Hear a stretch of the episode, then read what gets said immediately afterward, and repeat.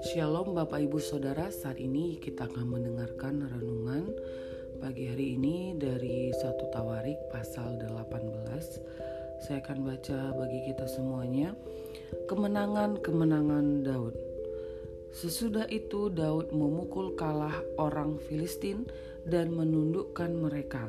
Lalu ia merebut Gad dan segala anak kotanya dari tangan orang Filistin dan Daud memukul kalah orang Moab sehingga orang Moab takluk kepadanya dan harus mempersembahkan upeti. Selanjutnya Daud memukul kalah Hadadezer Raja Joba dekat Hamat ketika ia pergi menegakkan kekuasaannya pada sungai Efrat. Daud merebut daripadanya seribu kereta, tujuh ribu orang pasukan berkuda, dan dua puluh ribu orang pasukan berjalan kaki.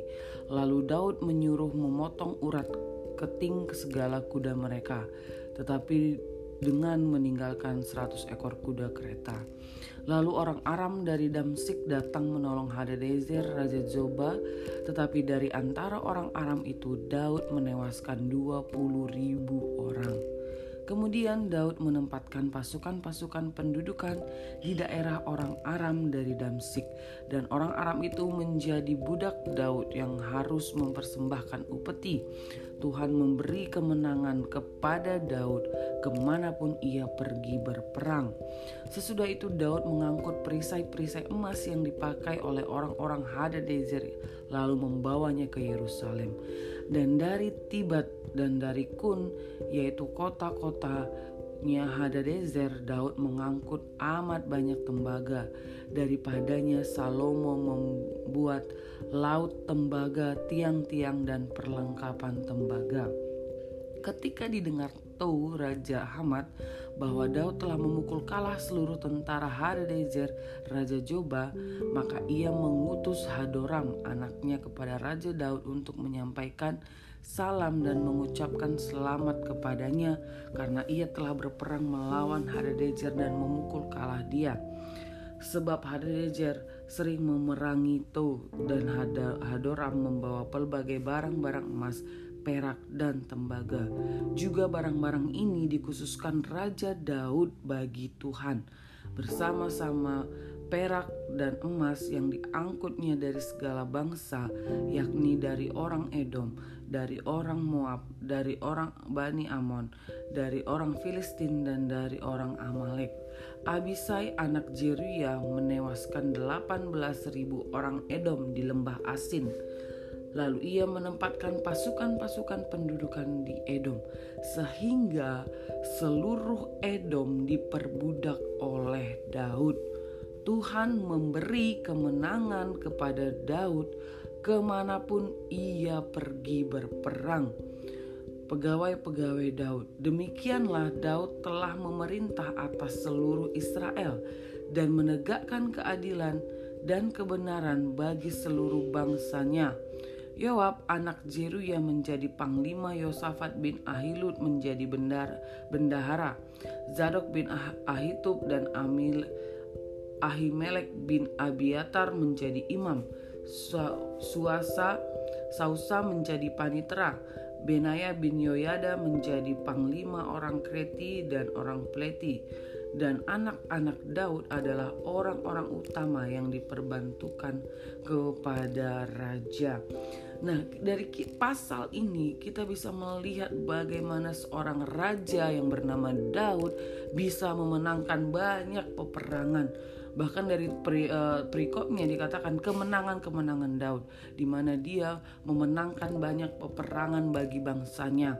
Dan kita bisa melihat ada yang menjadi kunci dari uh, teks ini dari uh, pasal 18 ini adalah ada di dalam ayat 6 dan ayat 13 yang berbunyi demikian Bapak Ibu Saudara. Di dalam ayat 6 dikatakan di ayat 6b dikatakan Tuhan memberi kemenangan kepada Daud ke mana pun ia pergi berperang. Dan teks ini dan tulisan ini dan perkataan ini diulangi oleh narator atau penulis kitab Tawarik ini di dalam pasal 13 yaitu pasal 13b yang mengatakan Tuhan memberi kemenangan kepada Daud ke mana pun ia pergi. Ini penekanan yang ingin diberikan oleh penulis khususnya di pasal 18 ini bahwa yang memberi kemenangan kepada Daud itu adalah Tuhan. Ya, di situ dikatakan Tuhan memberi kemenangan kepada Daud ke mana pun dia pergi berperang. Artinya ke mana pun Daud pergi berperang, siapa pun yang menjadi musuhnya, yang menjadi lawan Daud, Tuhan akan memberikan kemenangan kepada Daud. Bapak Ibu dari sini kita bisa melihat bagaimana Tuhan begitu mengasihi Daud, Tuhan begitu berkenan kepada kehidupan Daud. Kuncinya di mana? Di dalam pasal ini kuncinya Daud adalah orang yang juga mengutamakan Tuhan dengan memberikan persembahan yang terbaiknya kepada Tuhan. Itu terdapat di dalam pasal ini Bapak Ibu Saudara, di mana Daud ketika dia mengumpulkan banyak emas untuk dipersembahkan kepada Tuhan. Yang artinya ketika Daud Daud mengingat bahwa Allah yang memberikan dia kemenangan sehingga dia juga memberikan persembahan yang terbaik kepada Tuhan yaitu emas, perisai, tembaga. Dia berikan yang terbaik kepada Tuhan yang artinya Bapak Ibu Saudara yang kita pelajari dari Daud hari ini adalah di mana Daud mendedikasikan seluruh hidupnya kepada Tuhan. Amin Bapak Ibu Saudara. Daud mendedikasikan hidupnya sepenuhnya kepada Tuhan. Apa itu dedikasi Bapak Ibu Saudara? Kalau kita saya lihat ya arti umum, dedikasi itu artinya ada dua. Yang pertama, dedikasi itu adalah suatu tindakan pengorbanan dalam bentuk tenaga, pikiran, dan waktu demi untuk mewujudkan keberhasilan suatu usaha dengan tujuan yang mulia. Pendapat lain yang mengatakan dedikasi itu adalah kualitas komitmen seseorang dalam melakukan suatu tugas atau tujuan tertentu yang ingin dicapai. Perilaku dedikasi ini ditunjukkan sebagai bentuk pengabdian untuk melaksanakan pekerjaan atau untuk melaksanakan mewujudkan tujuan yang mulia. Yang saya lebih suka dari dua pengertian dedikasi ini adalah yang kedua Bapak Ibu Saudara, yaitu kualitas komitmen seseorang untuk melakukan suatu tugas atau tujuan tertentu yang ingin dicapai. Bapak Ibu, Daud mendedikasikan seluruh hidupnya kepada Tuhan. Dia berkomitmen, yaitu dia setia kepada Tuhan.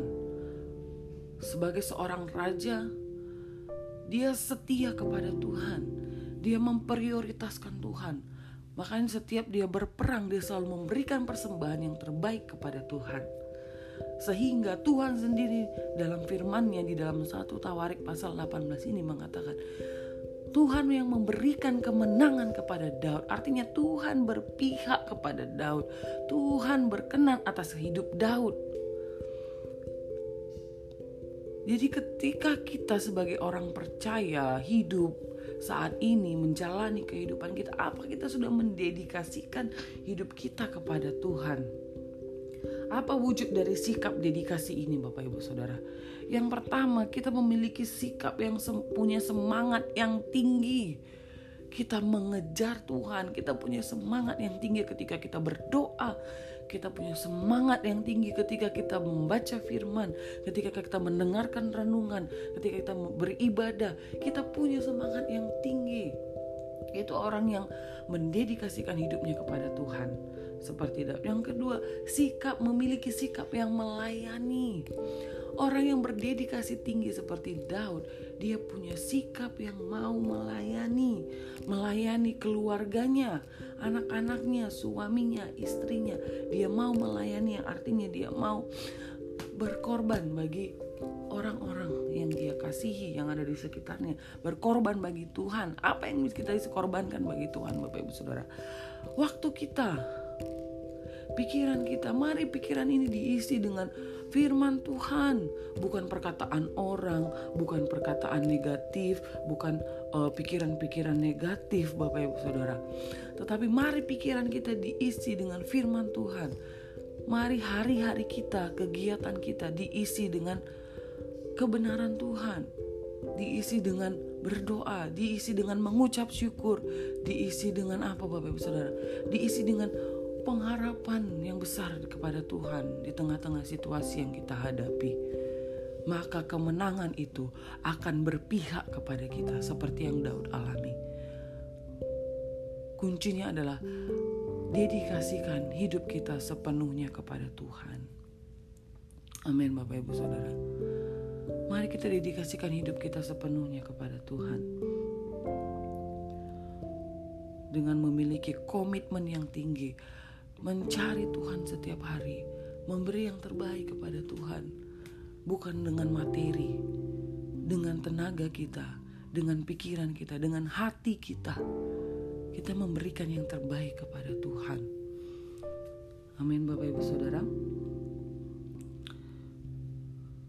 Nah, orang yang memiliki dedikasi tinggi kepada Tuhan, dia akan menghargai waktu